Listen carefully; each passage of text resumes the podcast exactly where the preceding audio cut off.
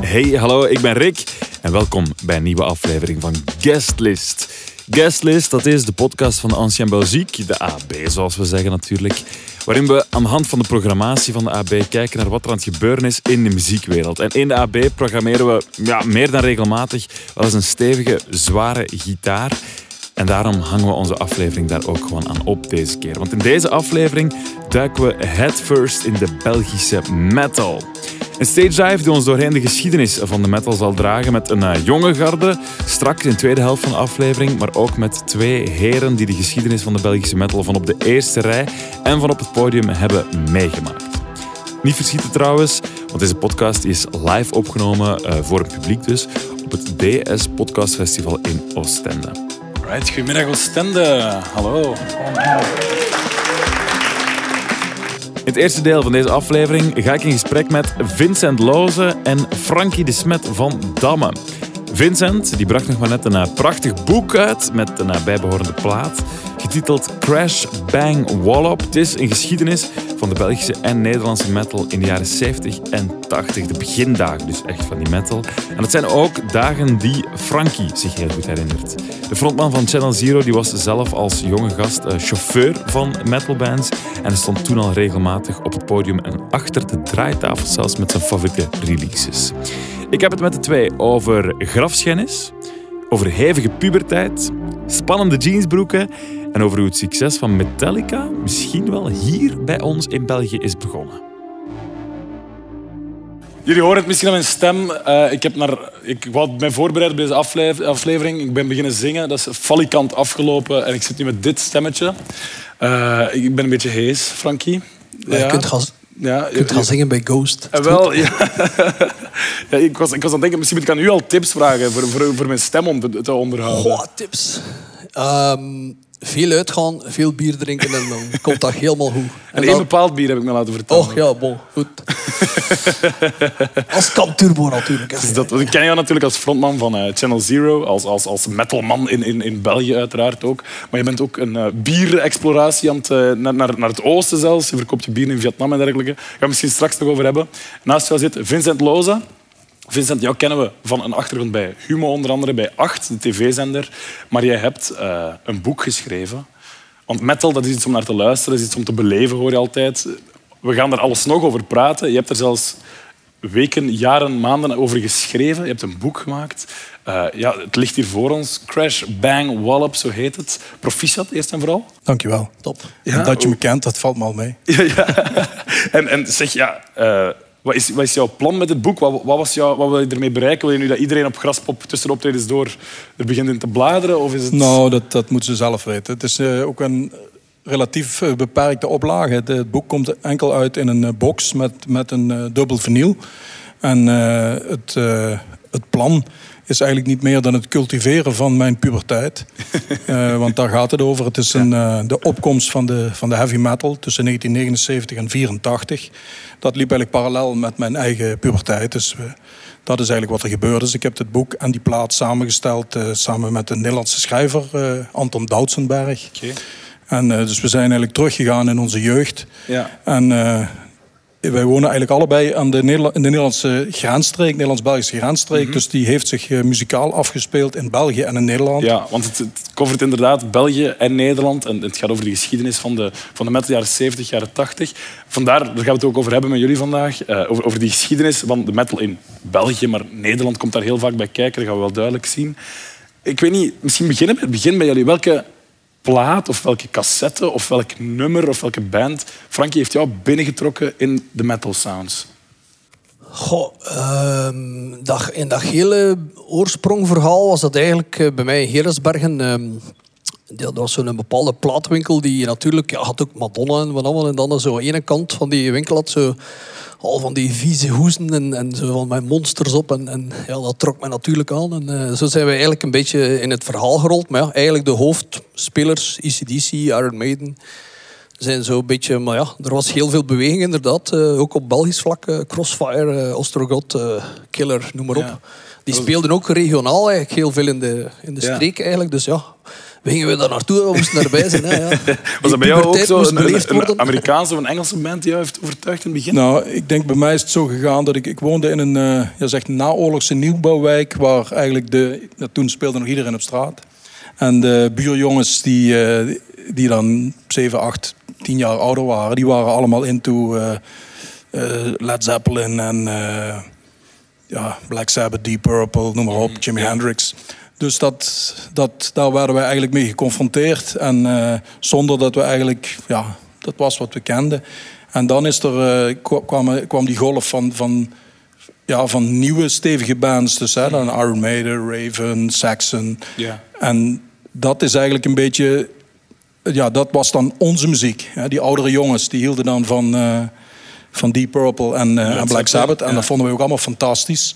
Maar visueel was dat iets anders. Hè. Dat was visueel, wa- waren dat eh, ja, olifantenpijpen, eh, leren jassen met franjels, eh patchouli geur. En eh, ja, Zwijg me daarvan. en toen wij, ja, wij- bij ons was het opeens eh, was dat wat een nieuwe identiteit eigenlijk. Hè? Ja. Spijkerjasjes, strakke broeken. Ja. ik bedoel, Ja, was het met de patches al? Ja, pinnenriemen. Ja, ja. Had jij een Dus, jekker met patches op? Oh ja, natuurlijk. Ja, we konden niet ontbreken. Hè. En, en naaiden jullie die zelf op? Of werd dat dan toch gevraagd aan mama, grootmoeder, eh tante? Eh, d- iedereen die kon helpen werd ingezet. Ja, ja. Eh, Ja, grootmoeder, grootmoeder deed dat bij mij. Ja. ja, dus die deed dat bij jou. En, en- en snapten ze er iets van, van die patches? Ja, dat was, wij legden dat en zo, en dan raakte dat erop en zo. Mijn grootmoeder had meer probleem met het feit dat ik wou smalle broeken hebben. En dat was altijd zo gezaagd van, ja, maar ja, dat is veel te smal. Frankie had er nooit in geraken. Pup, mee, hier gezever. Ik doe dat aan. Dat was zo, die broeken zo. Bon, ik ben het overleefd. Ja, was die, die, die aantrekking van die muziek, was het die muziek of was het ook ergens dat alternatieve, het feit dat het anders was dan, dan dit- de popmuziek, dan anders dan wat er in de magazines en op de radio kwam? Voor mij denk ik wel. Ik denk dat het eh, ja, onzeker puberbrein hè, zoekt houvast. En eh, dat was eh, stoer zijn, was zo'n houvast. Ja. En dat zag er stoer uit. Dus je, ja, je, was dan, ja, je probeerde Steve Harris van de Aldi te zijn eigenlijk. En eh, Steve Harris is de bassist van Iron Maiden. Eh, en dat, ja, dat was voor, was voor mij ja, was dat toch wel een, een deel van de aantrekkingskracht, zeker. zeker. ja. Want had, had jij veel gelijkgezinden bij jou in, in het dorp dan bijvoorbeeld, Frankie? Goh, dat was vrij brutaal eigenlijk. Ja. Moet eerlijk zijn, dat, was, dat kwam op eigenlijk. En dat was iets dat heel veel jonge gasten aansprak. En, en ja, ik kan dat ook niet uitleggen. Eh, in die tijd was het ook meer zo. Wij waren de hardrockers en, en de anderen waren de disco-freaks. En, en dan had je de new wavers. En wij wilden zo anders zijn dan eh, die twee andere genres. En ja, dat was, ja, dat was gewoon eh, ja, gelijkgezind. En, en wij gingen naar hardrock vuiven. Dat was ook zoiets. eh. ik herinner me dat wij in Geersbergen uh, Arsène de Braakleer, die op de woensdagavond van 11 tot 1 eigenlijk heavy metal draaide. En dan zaten wij grappig genoeg echt letterlijk met... ik nog goed met een cassette, met zo'n cassettendraaiertje, waar je kon op meenemen. Dat we eigenlijk... Ja, je kon niet opnemen. Je moest met een box naast de radio zitten. Zo, ja, dat was echt absurd. hè. Maar ja, wij waren er echt... Allee, ik moet niet uitleggen. Dat was maniacaal. Hè. Dus, ja. ja, dat is Ja. tof. Want jij, jij zegt dat je ook aangetrokken werd door die hoezen en, en die logos. Want ja, bedoel, mensen die niet thuis zijn in metal, die denken, wat is dat zelfs? Ik kan dat niet eens lezen, die lettertypes en, en die Toen, tekeningen. toen konden we dat wel nog Toen lezen. Toen kon ja. dat nog net. Toen Ah, kon ja, dat ja. lezen. De takkenbossen zijn eh, later gekomen. Maar was dat ook iets dat je aantrok? Die, die, die thematiek, dat occulte dat er soms in zat, dat, die, dat duivelse dat er toen zeker nog heel veel in zat? Maar ja, we moesten mee met Nope. Hè. Bon, ja, ik, ja, voor mij, ik moet zeggen dat ik het in die tijd niet zo, eh, niet zo echt analyseerde. Hè. Het was, waren gewoon inderdaad stoere, soms gotische letters. eh. en eh, nou ja, dat, dat, dat, het, het, het semi-gewelddadig, want eigenlijk was, was, als ik daar nu op terugkijk, eh, het helemaal geen gewelddadige scene. Alles behalve. Maar eh, het had wel agressie. eh, en, en ja, Maiden die... Kijk, het kwam natuurlijk een beetje zoals de punk. eh, ja, het was een beetje eigenlijk het hardrock antwoord op de punk. Alleen het was denk ik muzikaler eh, dan de punk. En eh, ja, het was ook wat minder geëngageerd. Hè. Punk was toch wat gewelddadiger. Ook, ook punk shows waren gewoon gewelddadiger. Ja. Punkbands. Eh, En gewelddadig als in, er werd gevochten? Of, daar werd gevochten, ja. ja. ja. Nee, maar ook die bands, dat was, dat was iets, dat was toch bij, bij, de, bij, de, ja, bij de metal dingen viel dat toch wel goed mee, Ja. moet ik zeggen. Ik ja, hoor dat er een verhaal komt. concerten werd er niet gevochten. Nee, nee, dat deden Ah, ja. we niet. Nee. Ja, Zeker? want- ik, ik, ik voel, ik voel dus, zeker... nee, allee, ik snap wat hij zegt, maar allee, bij punk was dat nog intenser qua on the moment zelf. Maar bon, Maar dat was Ja. deel van de beleving. die moest- was ja. toch... eh, ik herinner mij dat dat toch... eh, dat was toch ook af en toe wel pretty impressive. Alleen voor jonge gasten, hè, je moet zo zien. Mijn, mijn eerste echte ervaring met ehm, heavy metal, als ik dan eh, in die richting, in een live eh, context, was het ehm, in Brugge eh, heavy, heavy Sound. Dat was toen nog in Brugge. Heavy Sound Immense Metal Dat- Festival dat- in België. Dat, dat was een ander, was ik ook, maar dat was een andere Ja. reden waarom dat. eh, Ja, was gewoon een heel slecht georganiseerd festival. Ja, inderdaad. Ja, dus Met wij- slecht weer. We kwamen van de trein zo. We hadden ja, 14 jaar, mijn eerste concert ooit. We, hadden, nou, we volgen eigenlijk de, de zatte mensen en degene die in de haag lagen. En zo. Dat was heel funny. Om te, dat komt er toe. Ik denk, hoeveel volk was dat? Vijf? Ja, Zes, zou- zevenduizend man. En dan ziet je zo Lemmy toekomen in een luchtballon. Ik ben echt niet zeven. Die zat toen, luchtballon, die toen oké. nog in, in een luchtballon zo gedropt, boef.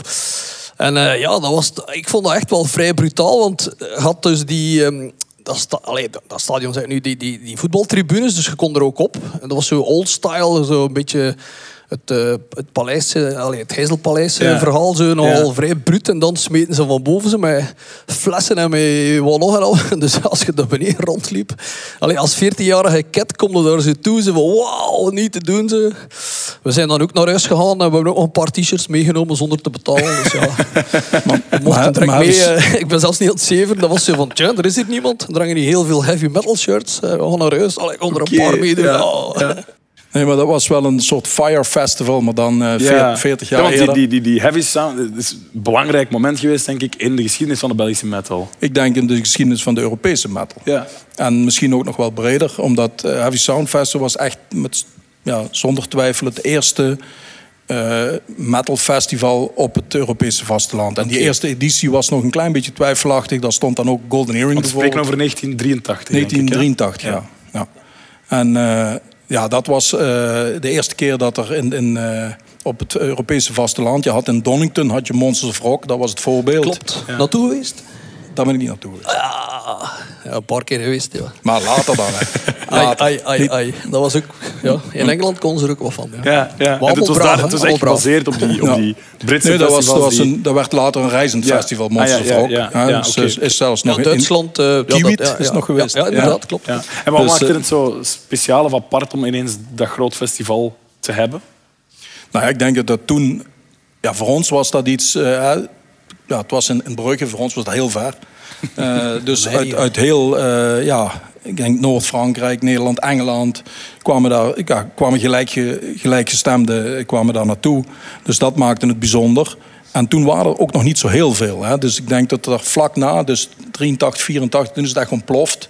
Hè. En, en ja, daarna werd het echt heel groot. En toen kwamen ook echt een beetje de formules. En werden platenfirma's heel erg geïnteresseerd. En Ja. ook lokaal platenfirma's. Hè. Maar in die die, die, Bel die Belgisch label? eh, Mausoleum. Mausoleum. Ja. Goh. Maar dat was bijvoorbeeld ook een, een heel interessant gegeven. Dat je in België had je een label dat Belgische bands tekende. Ja. in Nederland had je ook al vrij vroeg een label dat heette Roadrunner. Mhm. En het andere was Rave On, was misschien wel het eerste label. Maar die tekende buitenlandse bands. Ja. Ja, dus die, dus die het was eigenlijk nieuw om, om die Belgische groepen te gaan en dat wa- was, waren eigenlijk volgens mij het management van twee bands... Ja. die een plaat hadden uitgebracht bij een, een, ik weet niet, bij een, grote, bij een groter label. Die waren dan na één plaat werden die gedropt. En die hebben die plaat dan opnieuw uitgebracht eh, op een eigen label. En dat was eh, een eh Luik, Danger en Ja. eh, Killer Ja. uit Mechelen oorspronkelijk. Eh, die, eh, ja, die waren dus, eh, er was eigenlijk hun management die een, Ja. die een Die dat label, label begon. opstarten. En die hebben toen heel veel Belgische bands getekend. En we gaan het straks waarschijnlijk nog, nog even uitgebreider over hebben. Ik wil eens terug naar dat festival en, en naar die, die sfeer van toen. Want nu hebben we, ik denk dat Joke Schouwvlieg ervoor gezorgd heeft, geluidsnormen en dergelijke. Hoe, hoe zat dat toen? Joke schouwvliegen, die moeten we negeren. 99 dB. How dare you? Nou, ik moet zeggen, s'morgens denk ik wel eens, misschien had Jook Schouwvlieg wel gelijk. Als ik eerlijk ben. Het was luid. Maar dat is Frankie zijn schuld. Ja. Ik, Ja, stond, ik stond voor de boksen natuurlijk. Maar het is ook zo dat... je- allee, het moet ook zo zijn... Ik ik moet eerlijk zijn, geluidsnormen... Allee, ik kan daar wel mee om... eh, Ik heb ook in het... Ik heb een plaats gegeven. Nee, ik heb, ik heb ook in de, eh, een beetje PA verkocht, dus ik, ik weet wel een beetje hoe dat zit. Maar allee, je kunt er ook... De, de industrie had zelf al gekozen om dat een stuk te gaan modereren. Want Ja. inderdaad, het klopt. Als wij in de tijd naar een concert van uh, Motorhead gingen in, in Force Nationaal... Ja, dat kon je bijna niet anders dan met, met tutende oren naar huis ja, gaan. ja. Want eh, dat was ook old-style eh, PA-systemen. Ja. Dat waren eigenlijk gewoon speakers boven op elkaar zetten, zoveel mogelijk power aansluiten. En dan... en dat was ook, ja, dat, was Ja, ook, dat had een soort organische druk die bij die hardrock scene eigenlijk bij behoort. Hè. Ja, allee, als dat, als dat niet zo het, voelde, het, dan... Het volume dat op jou Ja, valt. ja, ja, gewoon. ja. En het decor waren zoveel mogelijk Marshalls. Ja, voilà, dus eh, dat ook al... eh, Een echte, geen... geen eh, in het begin wel, nadien meer waarschijnlijk. ja, ja. Maar ja, dat, dat, ja, ja, dat is zoiets dat... ehm, dat hoorde er gewoon bij. Ja. En dat, dat ook een stukje... Dat was ook, ik denk, hetgeen waar wij ook van onder de indruk waren. Want de shows in Force Nationaal waren altijd... Ja, dat was indrukwekkend, moet eerlijk zijn. Eh, Mhm. Iedereen ging er ook eh, met de ogen toe naartoe. Dat was veel dat we bijna een soort priesterbelevenis moesten gaan... eh, als dat dan, ja, Judas Priest was of Ja. Iron Maiden. Die shows waren ook altijd... Echt, dat was af, hè. Ik bedoel, Ja, op kruisvaart naar Vorst ja. Nationaal. Ik herinner, ik herinner mij een optreden in, in een dorpje Elslo. Dat ligt aan de, de grens bij Maasmechelen, aan de Nederlandse kant. En daar speelde Manowar. In, een, in, een, in, een, in een jongerencentrum eigenlijk. En eh, na nummer of vier was in het hele dorp was de stroom uit. Dus gewoon echt alles plat. Dat is echt een legendarisch optreden daardoor geworden. Heeft dus ook, het is nog twee keer later gebeurd tijdens hem. Ja. Echt stonden we daar drie kwartier te wachten dat er iemand ergens nog zo langzaamaan weer licht aan. Ja, op zoek naar de zekering. Om, eh, Ja, dat ja, was echt, ja, eh, echt Angie. Angie, af alle letteren. Nee, we hebben nooit, een anekdote, we hebben nooit met Manowar meegespeeld in Vorst Nationaal als voorprogramma. En enige dat wij kregen waren stukken van eh, zo'n euro of twintig frank dat ze naar onze kop smeten. Ja, ik ben echt niet zeven. Dus eh, ja, we werden gewoon ge, ge- gemassacreerd door die fans van Manowar. Oh, ja. Oké. We hadden een t-shirt aan, geen bloot bovenlijf of zo, ik weet het Ja, niet. ja. Heavy metal. Je zegt er net, Lemmy die kwam naartoe in, in, in een, luchtballon, wat al een super gekke entree is natuurlijk. Maar werden die internationale acts heel snel ook naar België gehaald? Nou ja, natuurlijk. Dus dat was ook, die, het was ook een beetje zien. En je had, denk ik... En Motorhead was eigenlijk uit de... Die waren er voor. Hè. Motorhead, Judas Priest, eh, Thin Lizzy... Dat waren bands die eigenlijk de oversteek van de classic hard rock... naar de heavy metal Ja. maakten. En dat was vooral visueel. Ja. Ja, dus die gingen eigenlijk, eh, Lemmy uitzondering, die heeft altijd hetzelfde uitgezien. Maar de rest van de band en ook de rest van die eh, twee bands, die gingen sneller spelen en zagen er ja, stoerder uit. Dus die verlieten eigenlijk een beetje dat imago. Hè. Judas Priest is een heel goed voorbeeld. Dit is een band uit, uit 3 of 74, denk Ja. ik. En dat was echt een classic hard rock band in het begin. En eh, die bands van die nieuwe lichting waren relatief kleine bands. Ah, ja. Dus ik heb zelf eh, in die tijd, eh, als jongetje van 15, deden wij ook concerten organiseren. En dan deden we ook Satan en eh Merciful Fate en zo. Uit. Engeland. hè. Die deden wij ook boeken. Ja. Ja. dus die, die waren gewoon te boeken. Dus dat was, wisten wij, veel. Hè? Dus gewoon een paar keer bellen en dan vond je een nummer. Dat stond er vaak op de plaat, stond dat nummer meestal Ja. nog gedrukt. Want in, in het boek schrijf je, staat er ook een moment dat Metallica eigenlijk dat die groot geworden zijn in België en Nederland. Nou ja, die zijn, die zijn eh, in ieder geval Metallica heeft eh, op Heavy Sound, dat was een jaar later, was hun eerste festival optreden ooit. Dus ze hebben, hadden nooit, speelden de dag daarvoor nog in een kleine zaal in Friesland. Speelden ze met Twisted Sister. Eh, en de dag daarna speelden ze dan op Heavy Sound hun eerste festival optreden. Dus voor die bands is dat ook ja, memorabel geweest. Ja, ja. Met En die hebben, die hebben het ook met Cliff uitgedragen. Burton, hè. Met Cliff Burton nog eh, Ja, ja. On Belgium soil. Maar die, die, die hebben dat ook nu nog steeds trouwens uh, uh, uitgedragen dat ze daar speelden. En het jaar daarna was hetzelfde verhaal met Slayer. Ja, die was de eerste band die ooit. Uh, of de eerste, hun eerste optreden ooit in Europa was op Heavy Sound. Dus dat En- heeft Heavy Sound een legendarisch festival gemaakt. en andere optreden. Met één kleine kanttekening, sindsdien was dat festival gedaan. Eh, echt, ja, ja. Ja, ik ben niet aan het zeven. Hè. ja, dat was dan zeker. gedaan. Hè. Om Zat, als eh, in bankroet of als in... Of Nee, nee, fout gegaan? al- nee, als in er lag een kerk of naast. En daar, daar hadden ze wat eh, eh, fr- fris, Duitse fans fris, hadden, eh, fris begraven Ja. Menselijke resten omhoog gehaald. Ja, ja. En Dus, drie dagen eh, nadien hebben ze die teruggevonden op terrein. Ja. Als ze de, de blikjes en alle, allee, de dingen aan het opkuisen. Ja, Oké, dus, eh, Ah, ja, ja, over occult eh, gesproken, dan, dat zat daar dan wel echt... Maar waren Duitsers, in. hè? Dat waren Duitsers, Duitsers, Duitsers, sorry. Nee, oké. Het zijn weer de Duitsers. dat is goed. Dat is goed. Maar, ja, maar het is ook gek. Dat, je moet zo zien, eigenlijk is het zo gekomen dat Tom Araya, die had zo van die bindteksten die eigenlijk nogal occult en, en eigenlijk, dat was een stukje spreken tegen het metal publiek. En die dat Mm-hmm. echt letterlijk gezegd. Je kunt dat nog op, opzoeken, dat, dat bestaat nog ergens. Wat hij letterlijk zei, van, you gotta dig, dig the graves out of the, out of the soil. En ja, dat hebben een paar Duitsers hebben dat in het echt gedaan. En, ja, Dat was het einde van waren geen Heavy, Duitsers, want die konden dat toen niet verstaan. Ja, ja, ja. Dan moet het toch België geweest zijn. Duitsland, alles. Hoe, hè. hoe hebben die, ehm, die grote festivals, die internationale bands die naar hier komen, hoe heeft dat een invloed gehad op de Belgische bands? Heeft dat gezorgd voor, voor, voor echt vruchtbare bodem? Voor... Maar ik denk, denk dat sommigen konden het voorprogramma spelen als ze getolereerd werden.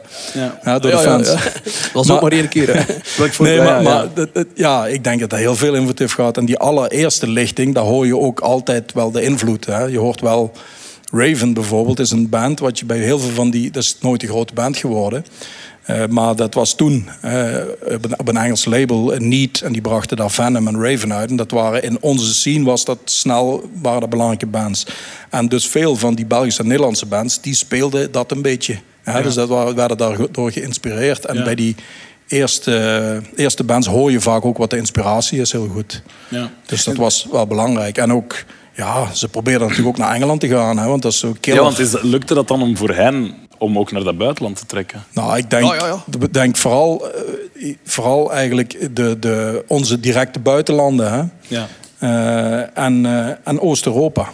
Toen nog gesloten Oost-Europa. Daar, eh, Polen bijvoorbeeld, daar speelden heel veel van die Belgische bands. Mausoleum had er op een of andere manier een goede link. En heel veel van die bands hebben daar getoerd. En voor veel mensen echt grote, grote zalen.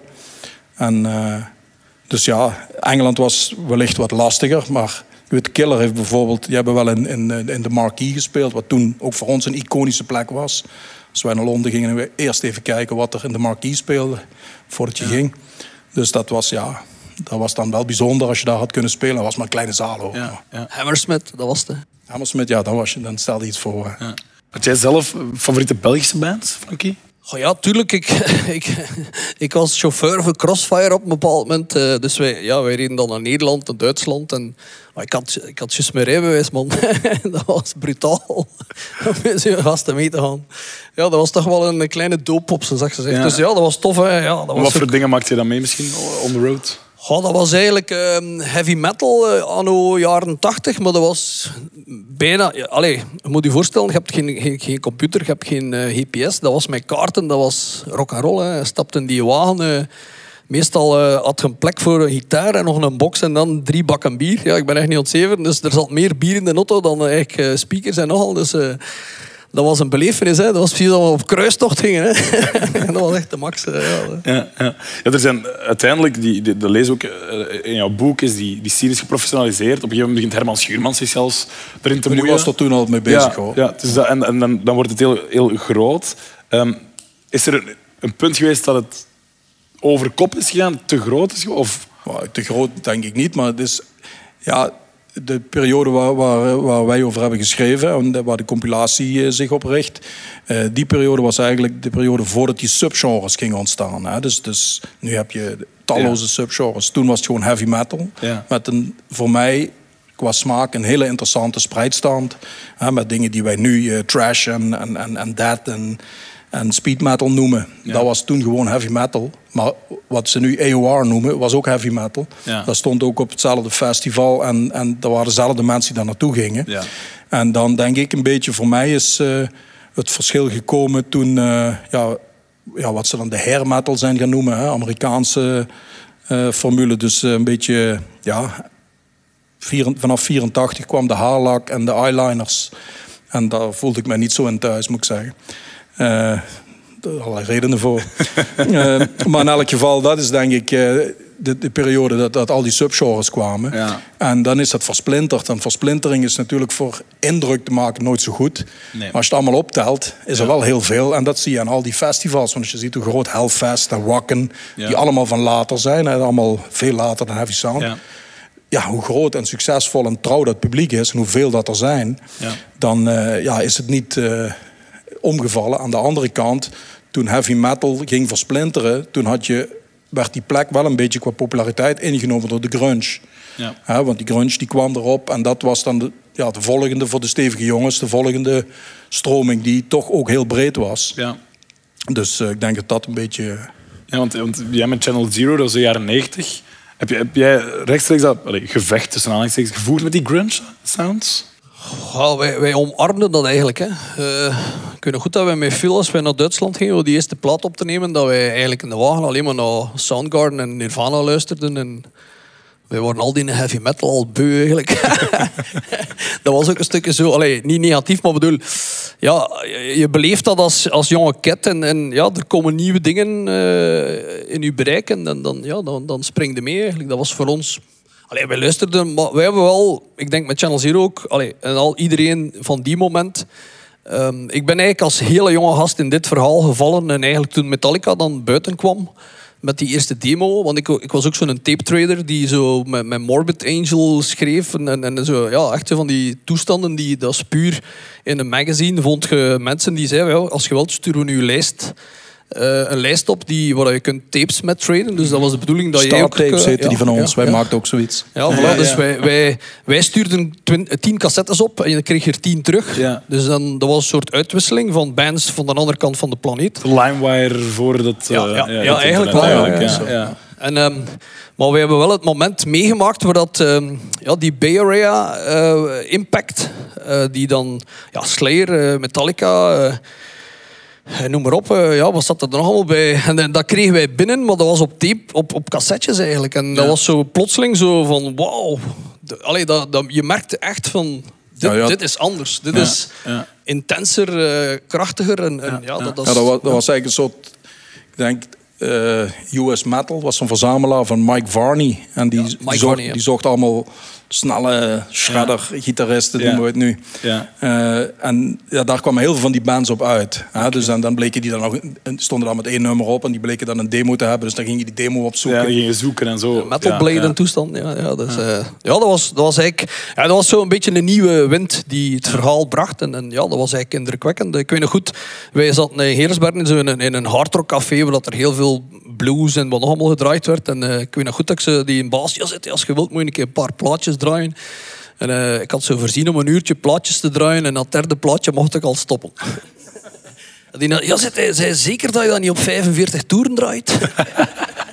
En ik zei, nee meneer, eh, het is, eh, het is iets sneller dan anders. En eh, ja, dat was heel funny, want veel mensen van die tijd hadden er moeite mee. Hè. ik, Ja, weet, ik ja. weet nog goed dat er heel veel mensen in het begin echt letterlijk op de eerste plaat van Metallica dus zelf van man, dat is gewoon herrie. Ja, En ik had zoiets van, meneer, dat is dezelfde herrie als wat jullie dan luisteren, alleen het is iets anders. Het is anders en ja, sneller. Maar en- en- dat, dat vond ik heel mooi om, om heel veel die, di- van die dingen terug te luisteren. Dat wij dat toen eh, ja, snel of hard vonden. Terwijl het natuurlijk eh, zeer eh, alles behalve is. Er staat een, eh, op die compilatie staat een, een Luikse band Steelover. En dat was een band van de toenmalige drummer van de Scorpions, Rudy Lenners. Die, die ging uit de Scorpions, had daar twee hele goede platen mee gemaakt volgens mij. En die begon een nieuwe band. En eh, het grappige is, daar heeft hij dus één plaat meegemaakt. En dan heeft hij een tweede plaat opgenomen. En daar had hij een zangeres op. En dat was Danny Klein van Vaya Con Dios. Inderdaad, Die dan klopt. even later met Vaya Con Dios Ja, doorbrak. ja, ja. Dus om te zeggen, dat lag allemaal niet zo ver uit elkaar. En ik denk ook naar, de, naar die grunge toe. Hè, want wat, wat Frank zegt, wij gingen ook... Hè, Soundgarden vonden fantastisch. En, en, en Fate No More. En Ja, noem maar ja, op. ja. Alles wat toen kwam, dat, dat, dat, dat je evolueerde gewoon mee. Hè.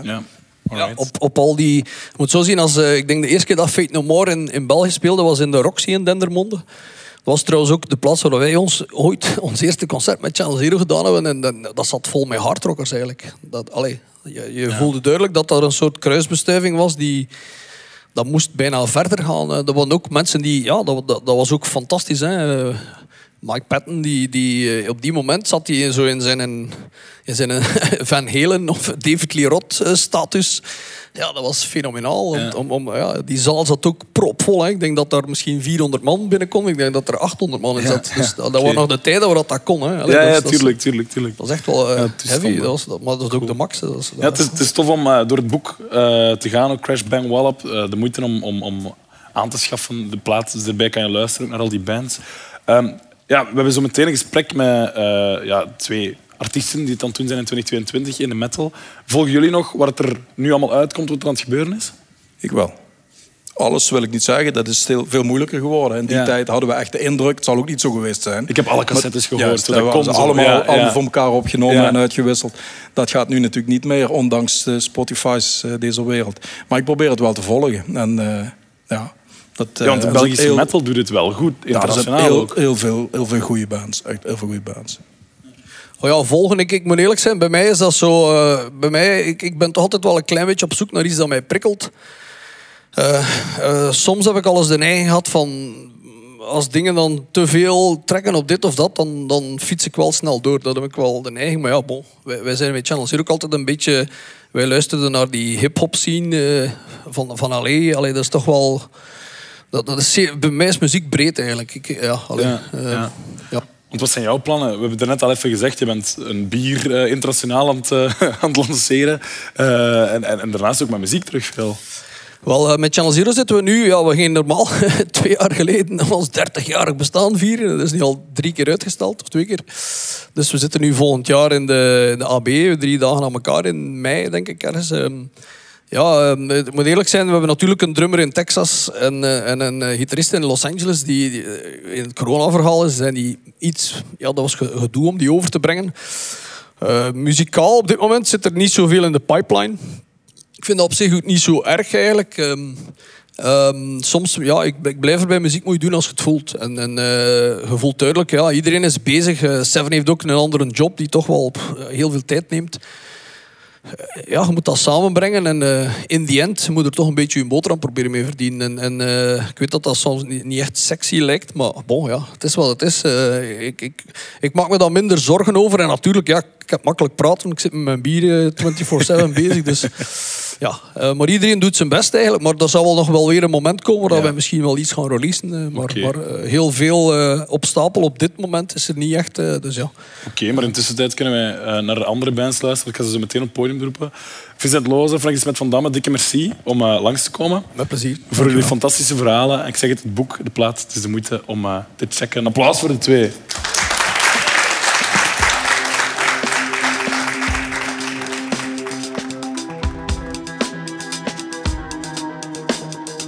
Vroeger leek het alsof je het enkel en alleen in de metal zag. Maar nu gebeurt het ook al enkele jaren in de hip-hop bijvoorbeeld. En blijkbaar kan het zelfs wel eens gebeuren op een goede rave. Ik heb het over moshpits. Hier in de AB zien we ze meer en meer opduiken. Een eh, gapend gat dat ontstaat in het midden van de zaal en dat zich al heel snel en ook vaak eh, redelijk agressief weet te vullen met lichamen, bonkend en kletsend tegen elkaar, zwetend, eh, beukend. Een moshpit qua. En bij de shows van zanger Guy en Denzel Curry bijvoorbeeld kunnen die ondertussen ook niet meer ontbreken, die moshpits. Maar is iedereen daar wel tevreden mee? Ik vroeg het aan enkele vrienden van de AB. Willem van de Sande is de man achter All Eyes on Hip Hop en boeken van onder andere Zwangere Guy en Stuff. Chibi Ichigo, zangeres die we kennen van haar stevige beats in het Nederlands en soms ook zelfs in het Russisch. En Brent van Esten, frontman van Steak en bezieler van heel wat elektronica-projecten, waaronder het heftige Klakmatrak. Ik nam mijn telefoon en ik belde hen op met de vraag: Moshpits, overrated of underrated? Hallo, met Willem. Hallo, mijn Brent. Hallo, met Chibi Ichigo. Moshpits zijn niet underrated, maar ook niet overrated. Ik vind dat het goed gerated is. Maar als ik moet kiezen, dan is het underrated of zo. Eh, ik vind eh moshpits eh, heel waardevol tijdens shows. Eh, het, het geeft eh, energie aan de show. Het geeft interactie tussen artiesten en publiek. Oh, dat is underrated, man. Dat is een van de coolste dingen dat er is, man. ik kan het niet laten, zelfs als ik vind dat een band sukt, ga ik toch, ga ik toch een keer naar voren en spring ik zo even een keer in die moshpit.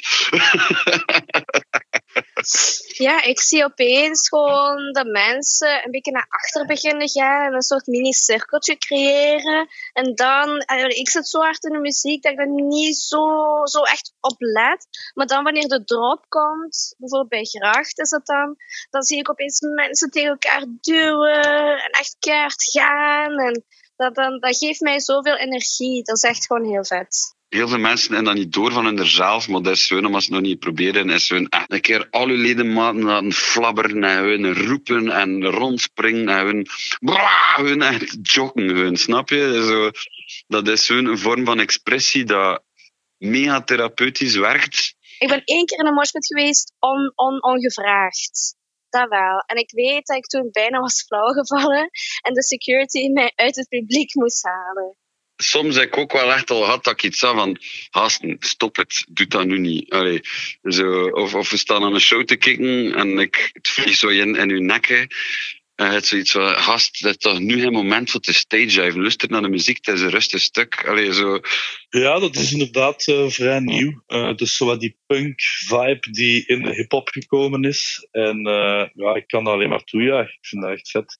Sowieso. Vroeger was dat veel meer uh, met, uh, met, uw, met, uw, met uw hoofd schudden, misschien een beetje springen en vaak die handjes in de lucht. Uh, en that's it. Maar het gaat echt niet om genres. Volgens mij kun je echt wel bepaalde klassieke stukken ook echt morsen. En toen ik een liefje had in Amsterdam, ben ik ook nog aan een classical music rave geweest. En dat is, dat, is, dat is daar een ding. Hè. Dat is een organisatie dat daar uh, maandelijks raves organiseert, maar alleen maar heftige klassieke muziek. En um, dat was ook wel... Allee, het was geen moshpit, maar ja, kwam in de buurt. Ah, alle leeftijden. Je zou echt verbaasd zijn. Je zou echt verbaasd zijn. Het is echt alle leeftijden. Totaal. En ook alle, alle, alle genders. Het is echt niet uh, enkel de jonge 16-jarige die dat doet. Echt niet. Allee, je moet natuurlijk wel platen dat je elkaars muil niet open klopt en al. Dat is wel, wel een ding. En voel wel keihard die verbondenheid tussen elkaar. Dat er iemand met zijn kop op de grond valt en zijn bril is eraan. Je ziet direct heel die bende stoppen en die gast oprapen. Snap je? Dat is zo, die verbondenis is er wel echt. Er zit dan een bepaalde dynamiek in dat, ja, dat, dat ik vrij prachtig vind. Ja ik ga nu natuurlijk veel mee met, uh, met zwangere regie. En uh, vorig jaar uh, toch een paar keer. En ik kan me herinneren in TOLT. En ik denk ook op uh, Pukkelpop kwartier dat ze, dat publiek door de, door de vloer is gezakt. En in TOLT was dat zelfs een, een metalen vloer. maar ik denk dat elk festival wel blij kan zijn met een energieke show waar daar achteraf over gesproken wordt. Dus ze pak, ik, ik heb het gevoel dat ze dat er met veel plezier uh, bij nemen. Zelfs op, op, op een Hoa-feest kan ik in een moshpit gezien, omdat het zo heftig kwam. En, en, en dan, dan heb je iets van, oké, okay, die mensen zijn aan het transcenderen en zijn hun eigenlijk eh, alles los aan het laten. En, en dat is hun de shit. En, en als je dan in je bed kruipt s'avonds, volgens mij, zie je echt hun... Allez, zijn je zoveel stappen verder in het leven.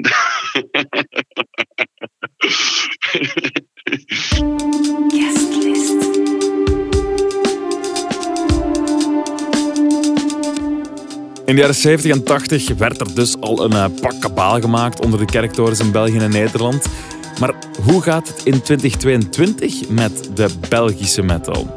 Ik had het erover, weer op het Deze Podcast Festival, met Thomas Michiels, bassist en frontman van de band Psychonaut. En trouwens ook presentator van Brut op Studio Brussel. En met Iris Goesens, de Nederlandse zangeres van het Belgische Spoil Engine. We hebben het over toeren in China, succes in het buitenland, timmeren aan de weg en de term female fronted metal. Goedemiddag. Hey, dag Rick. Goedemiddag. Hallo. Dankjewel om af te komen hier uh, naar, naar Oostende. Jullie hebben net de verhalen gehoord van, uh, van uit de jaren 70, 80, 90.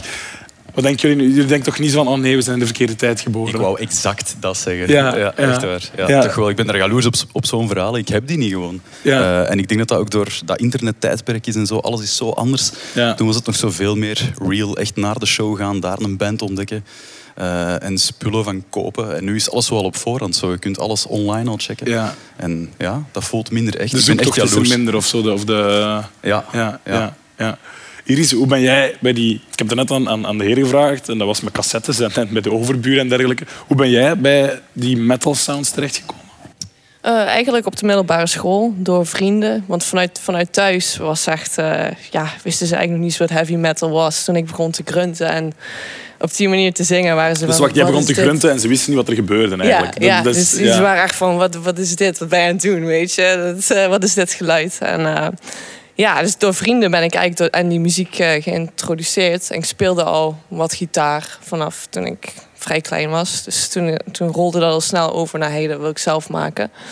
Ehm, maar wel via via nog. Misschien niet met cassettetapes, maar wel um, ja, na elkaars iPod, de, de eerste iPod luisteren. Ja, zeg maar, met elk een oortje in. Ja. En dan ja. op de bus. Ja. Ja, ja, precies. En welke bands waren dat dan? Die, die, bij jou, bij jou, die, die, jullie hebben bijvoorbeeld Channel Zero. Was dat bijvoorbeeld voor jou, Thomas? Een band waar je naar luisteren? Ehm, Metallica, Metallica uh, sowieso. Um, en ook The Prodigy eigenlijk. Okay. Daar voelde ik me ook ah, heel erg okay. toe aangetrokken. Ja. Ja. Um, dat waren eigenlijk cassettes. Ik was acht jaar oud en mijn neef is tien jaar ouder.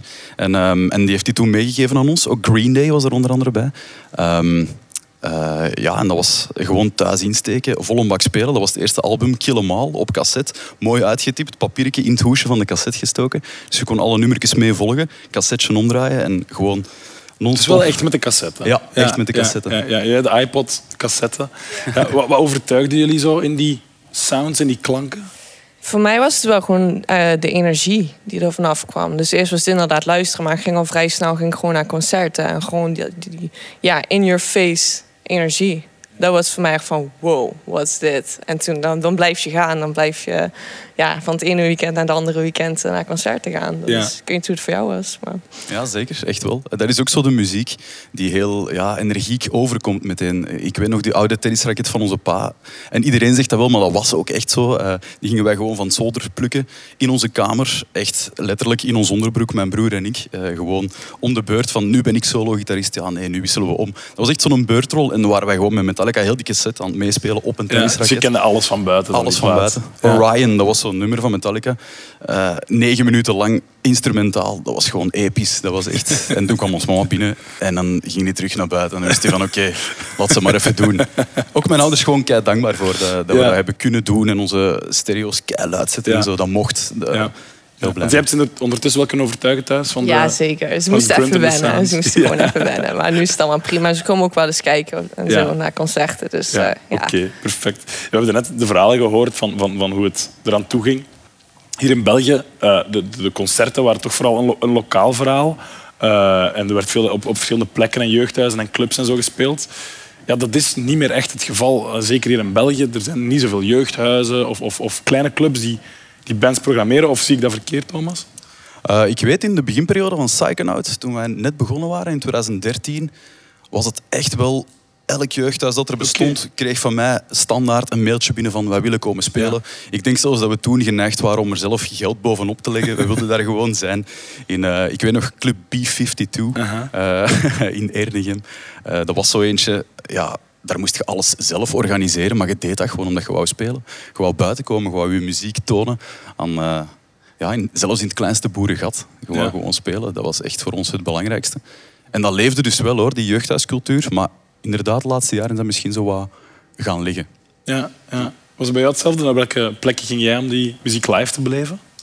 Uh, ja, wij hadden muziekgieterij in Maastricht. Dus daar ging ik, uh, daar ging ik als eerste naartoe. Uh, maar heel snel was het van ja, we moeten toch naar Duitsland, weet je. Omdat ja, ik was echt super emo.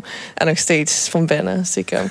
maar ik vond dus die bands leuk en die speelden niet in Maastricht. Dus dan werd het toch al snel 1, 2 uur rijden. En dan smeken wij iemands vader om, uh, om, om daar naartoe te rijden. En dat hij dan de hele dag, uh, ja, ik weet niet wat, wat hij deed, eigenlijk rondjes rijden rond dat festival of zo. Maar uh, mij en mijn vrienden daar af te droppen. Ja, ja, ja. ja. Okay. En dan, dan trok je echt van plek naar plek gewoon om die bands live te kunnen zien en te kunnen meemaken. Ja, ja, zo binnen we reden twee, drie uur maximaal. Oké, ja. ja.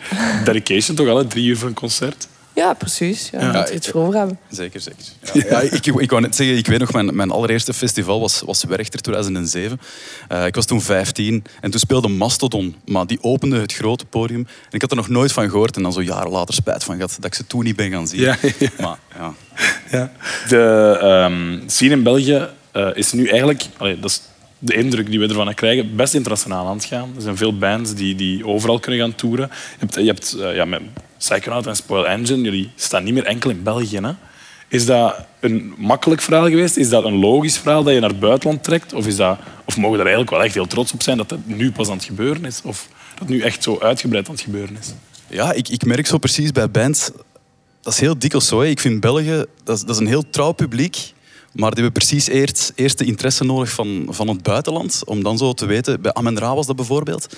Uh, die waren eerst groot in het buitenland. Zijn nu trouwens nog steeds veel groter in het buitenland dan in België. En uh, het Belgisch publiek heeft dat precies zo nodig. Zo van, ah wow, maar die zijn wel al groot daar. Die hebben al daar gestaan. Misschien moet ik ook eens zeker zo'n show meepikken van die mannen. Ik merk zo dat dat wel nodig is. Dat is ook niet erg of zo. Hè. Um, maar um, ja, dat is zo precies het verhaal. Als metalband dan, hè, bedoel ik vooral. Uh, dat je echt moet bevestigen in het buitenland. En dan gaan er meer mensen hier in ja. België aanhaken op je kar. Ja. Heb jij ook een gevoel, Iris? Ja, ik ben natuurlijk later bij, uh, bij Spoil Engine gekomen. Hè. Die waren al tien jaar bezig ondertussen. En hadden ook al best vette dingen gedaan um, in België. Maar we hebben wel gemerkt toen we zijn gaan toeren, 2017, 2018... en ook in China grote shows hebben gedaan dat dat wel veel deed voor hier inderdaad. Want uh, we hebben toen nog na, na onze tour één show aangekondigd in België. Gewoon erachteraan, zeg maar. Ja, die was meteen uh, sold out. En dat niet gebeurd zijn, als die internationale data er dan niet geweest waren? Ja, mensen zien natuurlijk op social media, zien waar je bent, wat je bent aan het doen. En je hebt gewoon, gewoon dagelijks dingen om te posten, om mhm. relevant te blijven zodra je toert. En ja, mensen zitten gewoon gigantisch veel op hun telefoon en zijn aan het scrollen. En als je honderd keer langskomt, ja, dan zit ze van hé. Hey, oké, ik weet hier al veel over, dus ik wil toch een keer gaan, uh, gaan kijken. En, en want die, als je spreekt over zo internationaal publiek en je zit dan in China in shows en dergelijke, hoe merk je dat, dat, dat publiek internationaal is? Krijg je veel berichten? Hoe moet ik me dat voorstellen dat je dat begint te merken dat je internationaal kan gaan toeren? Want dan moet je toch op een gegeven moment moet je die stap zetten. Ja, voor ons was het, was het was de eerste keer was wel uh, ja, een gok. We wisten ook niet wat we, wat we moesten verwachten of zo. We konden toen mee als support van Prong, de band. En uh, ja, dat is eigenlijk na ons uh, ja, niet debuutalbum, maar debuutalbum met, met mij gebeurd. Toen we ook uh, ja, platencontracten hadden en zo bij Rising Empire slash Nuclear. Um, ja, en vandaar zijn wij eigenlijk... Het was gewoon een gok van, ja, we gaan het gewoon proberen. En de, daar, de, heel veel mensen vonden het tof. Ja. In, uh, in Duitsland vooral, heel veel. En uh, Engeland zijn we ook geweest. Dat was iets, iets lastiger, denk ik, voor ons genre. Die houden toch nog net iets van iets rauwer en iets minder. En als je zegt lastiger, je wil dat zeggen dat er dan wel publiek staat, maar die niet mee is? Of er gewoon niet geen ja, publiek staat? Ja, moeilijker, moeilijker om mee te krijgen, zeg maar. Um, maar ik denk nog steeds dat het het moeilijkste publiek uh, ter wereld voor clubshows Nederlanders zijn. Nederlanders, ja, echt? Ja, Bel ja. Bel België is het echt veel meer een feestje. Ja. Tenminste, in mijn beleving dan, dan, dan een Nederland. Een Nederland Kritische Nederlander. Ja, ja muziekpolitie gewoon, weet je, die daar okay. staat. En, Heb je ook dat gevoel, Thomas? Ja. Nee, eigenlijk. Dat is het eerste dat ik ervan hoor, maar ik vind het wel, uh, heel grappig om te horen. Ja. Ja, want hoe zit het bij jullie internationaal? Hoe, hoe weet je hoe, hoe, hoe, wist jij met Psychonaut van we kunnen wel stappen proberen zetten? En... Dat begint eigenlijk ja, als, als je muziek uitbrengt um, en je krijgt reviews binnen van je plaat. Mm -hmm. uh, dat zijn Belgische re reviews, Nederlandse, Franse. En dan begint dat zo wijder te gaan. Er zit trouwens een Griekse tussen, een Poolse. Europees dan, gaat al een beetje meer die grenzen opzoeken van Europa. Ja. En dan plots zit daar inderdaad een Chinese of een Russische of een Japanse review tussen. En dan beginnen nu radertjes wel af te gaan van wow, maar het bereik begint echt wel goed te werken.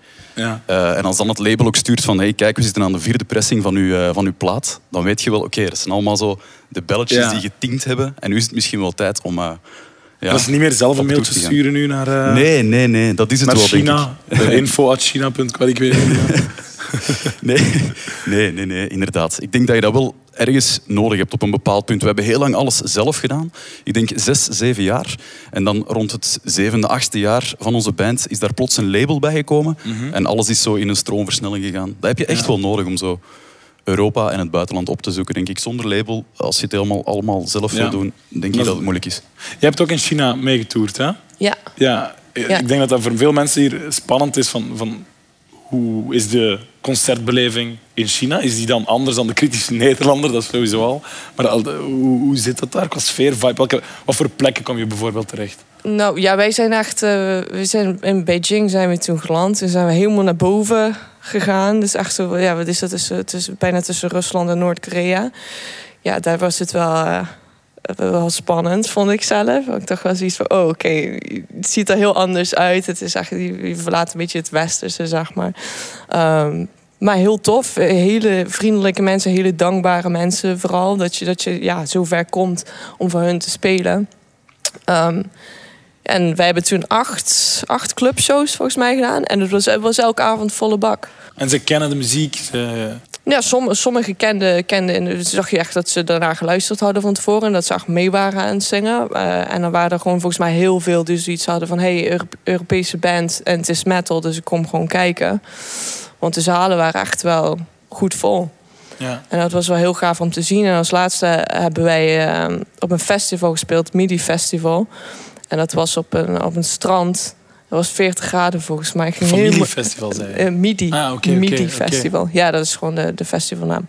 En uh, ja, er, er, waren duizenden mensen. Weet je, en toen was het ook van wow. En die waren heel intens en ze hadden allemaal vlaggen. Niet per se voor ons, maar gewoon de hele tijd schreeuwen en gillen. Weet je, terwijl hier, hier is het ook wel, mensen, mensen gaan wel mee. Maar daar, daar uh, waren ze op het punt van flauwvallen. Blijkbaar alsof je Justin Bieber bent. Maar ja, ja, dus dat was wel, was wel een heel aparte beleving. Vooral heel gaaf om een keer mee te maken. Ja, ja. ja. Heb jij zo opvallende buitenlandse momenten meegemaakt? Ik ben nog niet in China geweest. Nee, ik kijk er wel naar uit als ik het zo hoor. Zo vlagjes, uh, gillende mensen allemaal. Um, ja, binnenkort uh, vertrekken wij op tour door Europa. Dus wel, uh... wat, wat verwacht je ervan? Ja, ik kijk er echt naar uit. Ik heb zo het gevoel nu na die twee jaar dat alles heeft stilgelegen en alles mag terug. Dat zijn we nu al een tijdje aan het zeggen. Maar ja, je ziet toch nog steeds tours die toch nog wel terug weer gecanceld worden. Ik spreek nog altijd met twee woorden precies. Het is eind mei, begin juni, dat is nog wel even. Ja. Wie weet wat er weer tegen dan gebeurt, maar ik kijk er enorm echt naar uit om uh, voor een Europees publiek te spelen. Ja, ja. We hebben het net gehad over die Belgische scene en, en dat die dat ging heel hard aan elkaar in, in de jaren 70, 80 en, en er werden veel iedereen kwam elkaar wel tegen, zo leek het. Hoe zit dat op dit moment in, in, in die bands? Wordt er naar elkaar geluisterd? Want inderdaad, we zitten met honderden subgenres. Ik denk dat 20% van Wikipedia de subgenres van de metal bevat. Hoe, hoe zit dat juist? Hoe zit die samenhorigheid in in, in de metal, in de Belgische scene, in de Nederlandse scene? Ik vind dat die wel goed zit eigenlijk. Zo backstage, ook zo op Alcatraz Festival bijvoorbeeld. Backstage, moet u voorstellen, zijn allemaal zo aparte kotjes en op de deur staan altijd de artiestennamen. En ik heb het gevoel dat je bij heel veel van die bands gewoon kunt gaan aankloppen en goeiedag gaan zeggen en een leuk babbeltje slaan. Ik heb daar vorige zomer Frankie bijvoorbeeld gezien en we ook een leuke chat gehad. Um, en ja, ook jobgewijs. Ik, ik, ik, presenteer ook Brut op zondag uh, op Studio Brussel.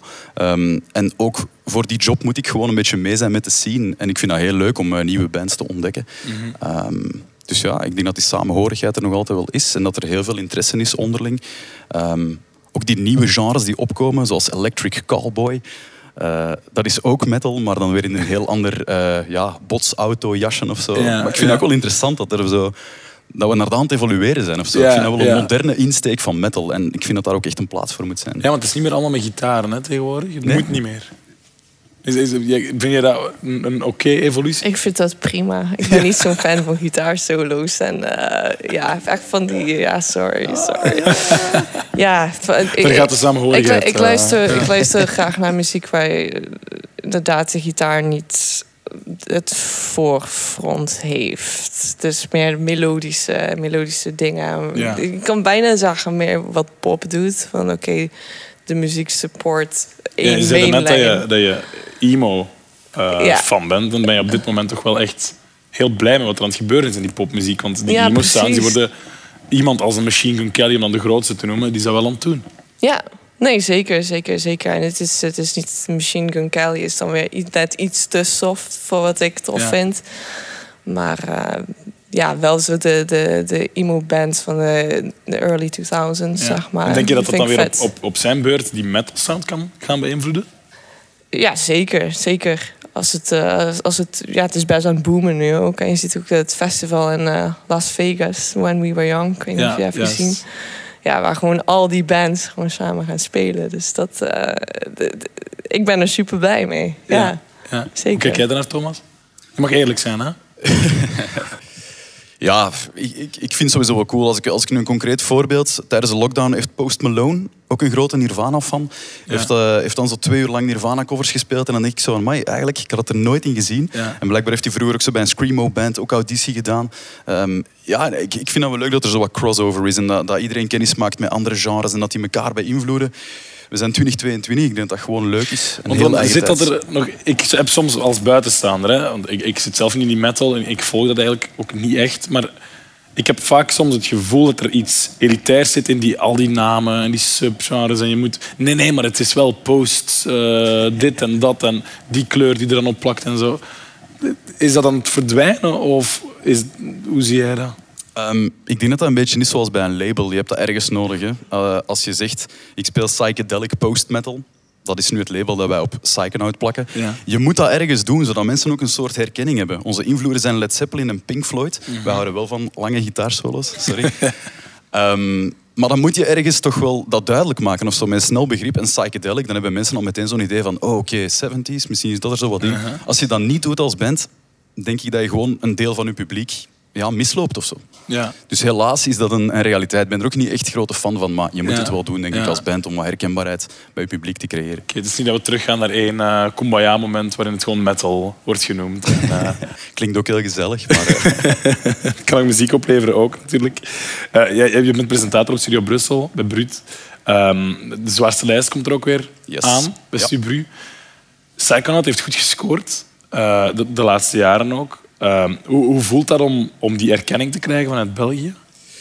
Ja, ik blijf dat nog altijd een van de mooiste dingen vinden eh, die je kunt krijgen, is erkenning van je fans en ook inderdaad op een, op een, ja, een grote zender, toch wel Stubru. Als, daar, als je ziet dat de, ja, bij de zwaarste 66, die worden dan op maandag, pas maandag zelf gepresenteerd. De eerste keer waar wij daar op plaats 42 binnenkomen en dan het jaar daarna op 26. En dan merk je toch van wow, amai, er is echt iets aan het bougeren, echt iets aan het gebeuren ik word daar heel gelukkig van. Ik, kan, ja, ik ben daar super blij mee. Dat is, erkenning van je publiek is het mooiste dat je kan krijgen, denk ik. Ja, ja dat is waar. En die Belgen die doen het goed. Ik heb het echt al vaak gezegd, maar dat zie je dan bijvoorbeeld in de resultaten van de zwaarste lijst. Jij, jij bent een Nederlandse die met twee Belgen in een band zit. Is er iets als een Belgische... Misschien kan jij dat best beantwoorden. Is er iets als een Belgische sound? Is er... heeft de Belgische, metal sound, sound, iets apart, iets unieks?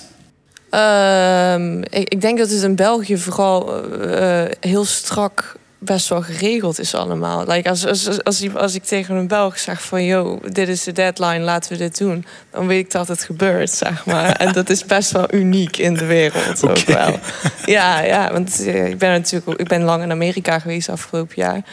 En uh, daar merk je wel dat het daar veel meer bla is. En, uh -huh. Maar dat hier echt mensen wel... wel ja, resultaten. Heeft het ermee gemaakt dat hier wordt gewoon hard gewerkt dan of zo? Ja, dat denk ik. Toch? Ik weet niet hoe jij dat voelt, maar ik heb wel het gevoel dat, dat ook alle, ja, alle, alle bands van ons level, zeg maar, en ook, ook jonge bands super, super hard werken. En ik heb ook vaak geef vocal coaching als, uh, als werk. En krijg heel veel Belgische uh, jongens en meisjes ook. En die, die hebben echt al een soort van stappenplan van... oké, ik wil dit bereiken en ik wil dit kunnen. Terwijl ik merk bij andere studenten is het vaak van...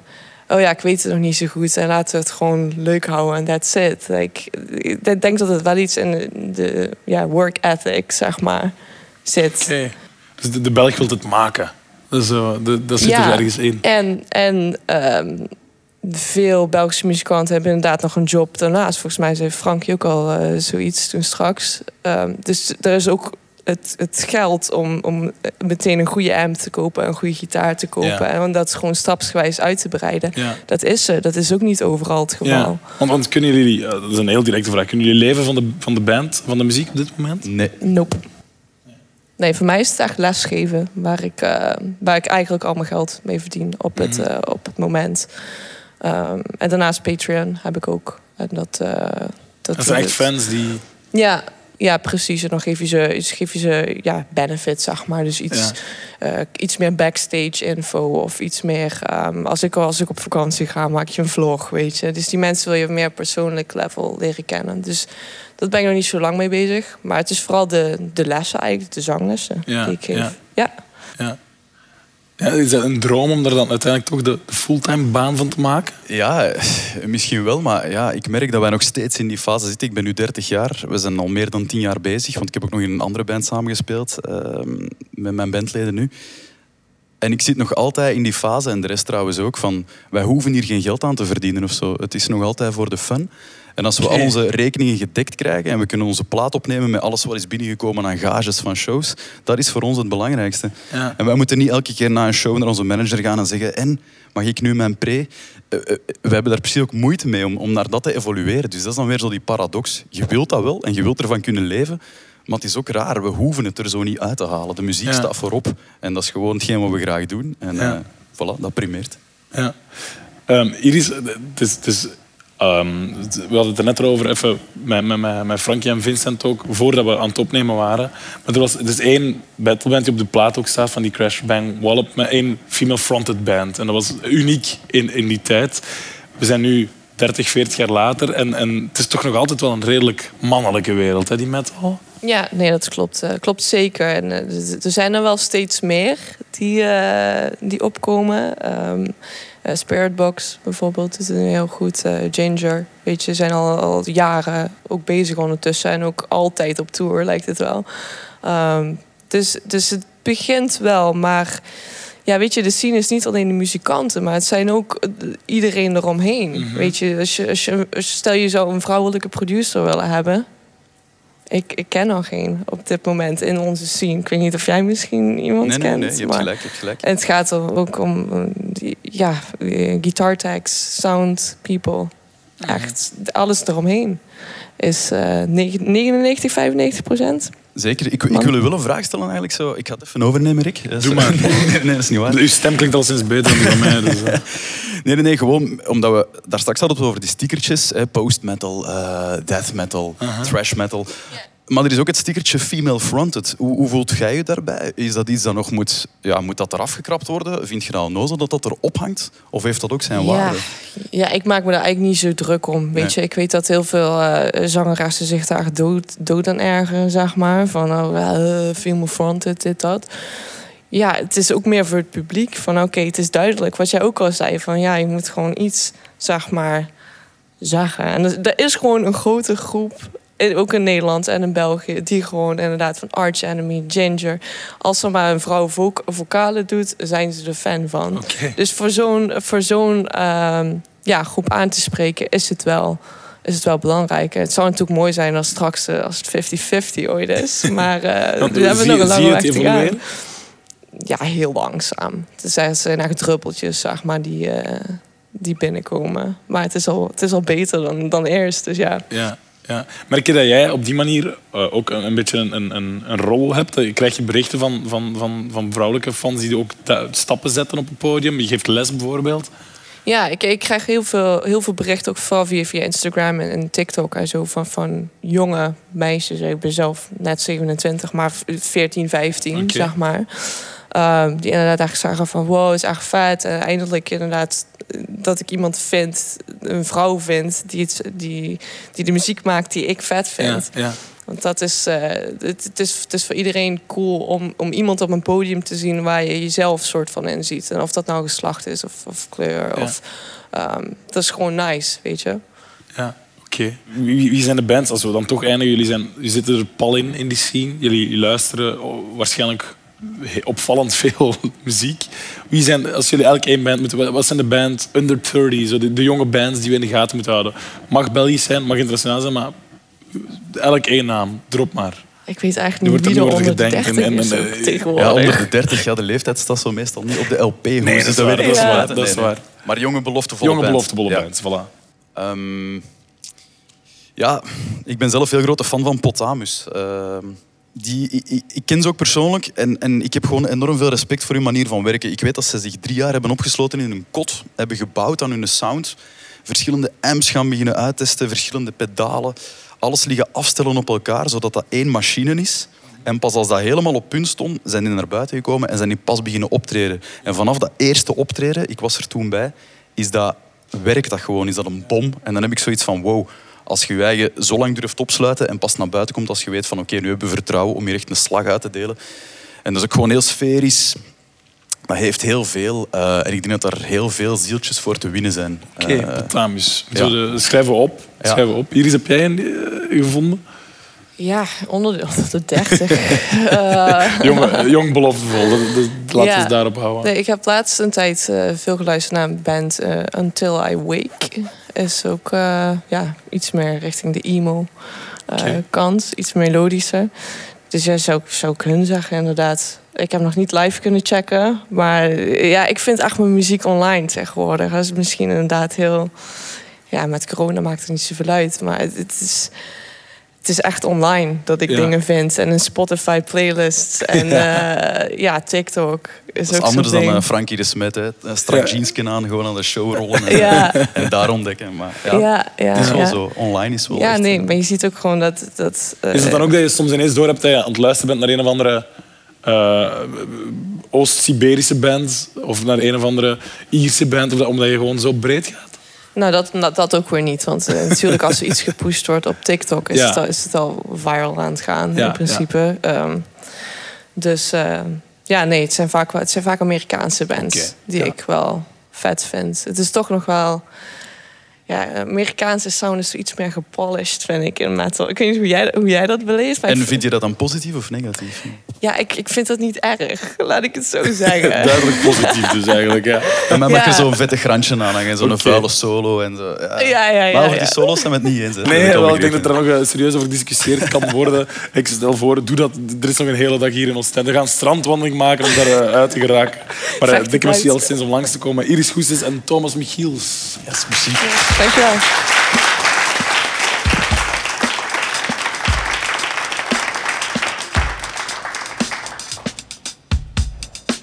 Zo, dat was hem. De dertiende aflevering van Guestlist. Als je het leuk vindt, vergeet ons niet te volgen. Dan krijg je die volgende aflevering sowieso binnen in je podcastmachine. In de volgende aflevering gaan we trouwens uh, ook weer stevig. Want dan heb ik het met Shibi Ichigo, Jeroen de Pessemier en Front for Two over stompende, stevige beats. Maar voor we hier afronden, geef ik je nog heel erg graag een muzikale tip mee. Ja, ik doe dat niet zelf, want hier in AB loopt genoeg volk rond met een heel erg goede muzieksmaak. En deze keer krijg jij een tip van Wati Kusharto. Dag Wati Kusharto. Hallo, dag Rick. Hey, hey, dag Wati. Hoe gaat het met jou? Uh, goed, het is wel een uh, trieste dag. Het is vandaag de, het moment waarop de mensen staan aan te schuiven voor de laatste groet van Arno. Dus dat is altijd dubbel natuurlijk. Hè? Ah ja, ja. Zeg Wati, wat is jouw, -hmm. jouw job? Wat staat er op LinkedIn? Wat doe jij, wat doe jij in de AB? Op uh, de jobtitle zou, uh, is ticketing expert. Dus ik maak deel uit van het uh, fantastische ticketing team in Ancien Belgique. Ticketing en customer care heet dat officieel. Oké, en dan wil dat zeggen dat jij ermee bezig bent dat mensen ehm, hun tickets ontvangen ten eerste en dat zij met al hun vragen bij jullie terecht kunnen? Of, of, of hoe moet ik me dat voorstellen? Wel, de, taken, we zijn, we zijn met vier en uh, met vier zijn we effectief verantwoordelijk voor, uh, heel belangrijk, de aankondigingen, verplaatsingen en uh, helaas toch nog altijd annulaties van concerten. Mm -hmm. verder heel veel vragen van mensen die we zo snel mogelijk proberen te beantwoorden, gaande ja. van heb ik nog tickets? Uh, want sommige concerten dateren al van 2019, dus, dus uh, sommige zien door het bos de bomen niet meer. Um, en dan hebben we eigenlijk onze eigen expertises. En bij mij zou dat zijn dat ik mij bezighoud met wat kan er beter voor de bezoeker. Oké, okay, en nou, wat, wat kan er beter? Want ja, alles kan beter, hè?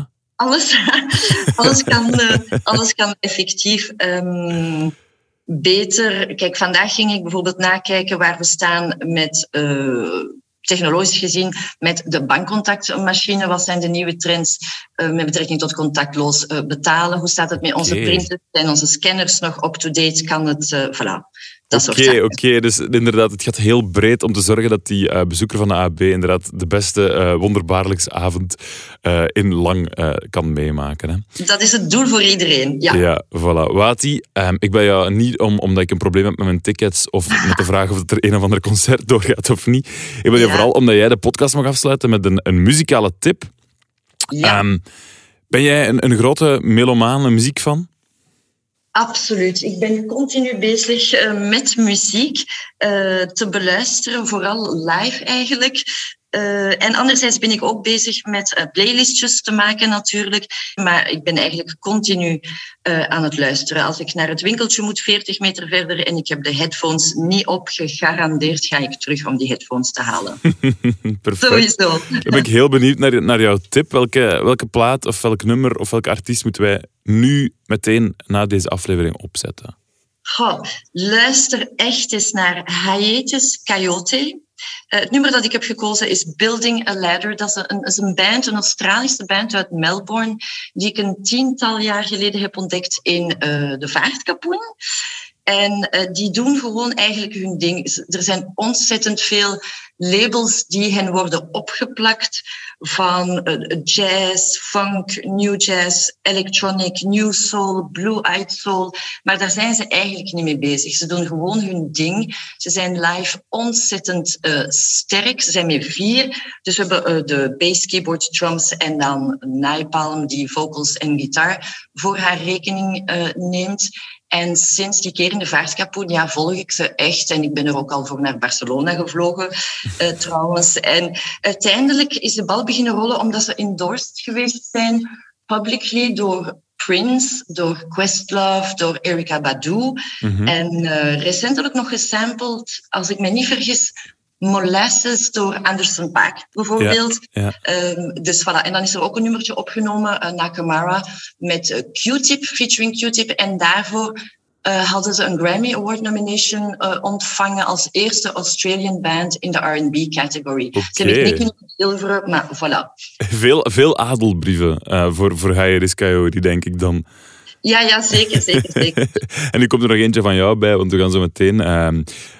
Ja, dus kan je gewoon keihard en misschien luid, maar niet te luid, want oppassen met onze oortjes. Uh, opzetten. ja. Het nummer Building a Ladder is een beetje een downtempo. Ze hebben ook optempo mhm. nummers. Dit is een downtempo nummer. En ik dacht, we doen twee vliegen in één klap. En een muzikale tip. En ook een hart onder de riem uh, voor de mensen die, dat, uh, ja, die het wat moeilijk hebben en die misschien wat mhm. hoop of wat kracht kunnen gebruiken. Want dat is de reden waarom dat Nightbalm dit nummer specifiek heeft uh, geschreven. Dus Building a Ladder of Love. To you. Perfect. Voilà. Kijk goed. Wati, we gaan hem opgooien. Dikke merci. En heel graag tot de volgende. Hè. Ja, zeer graag. Bye.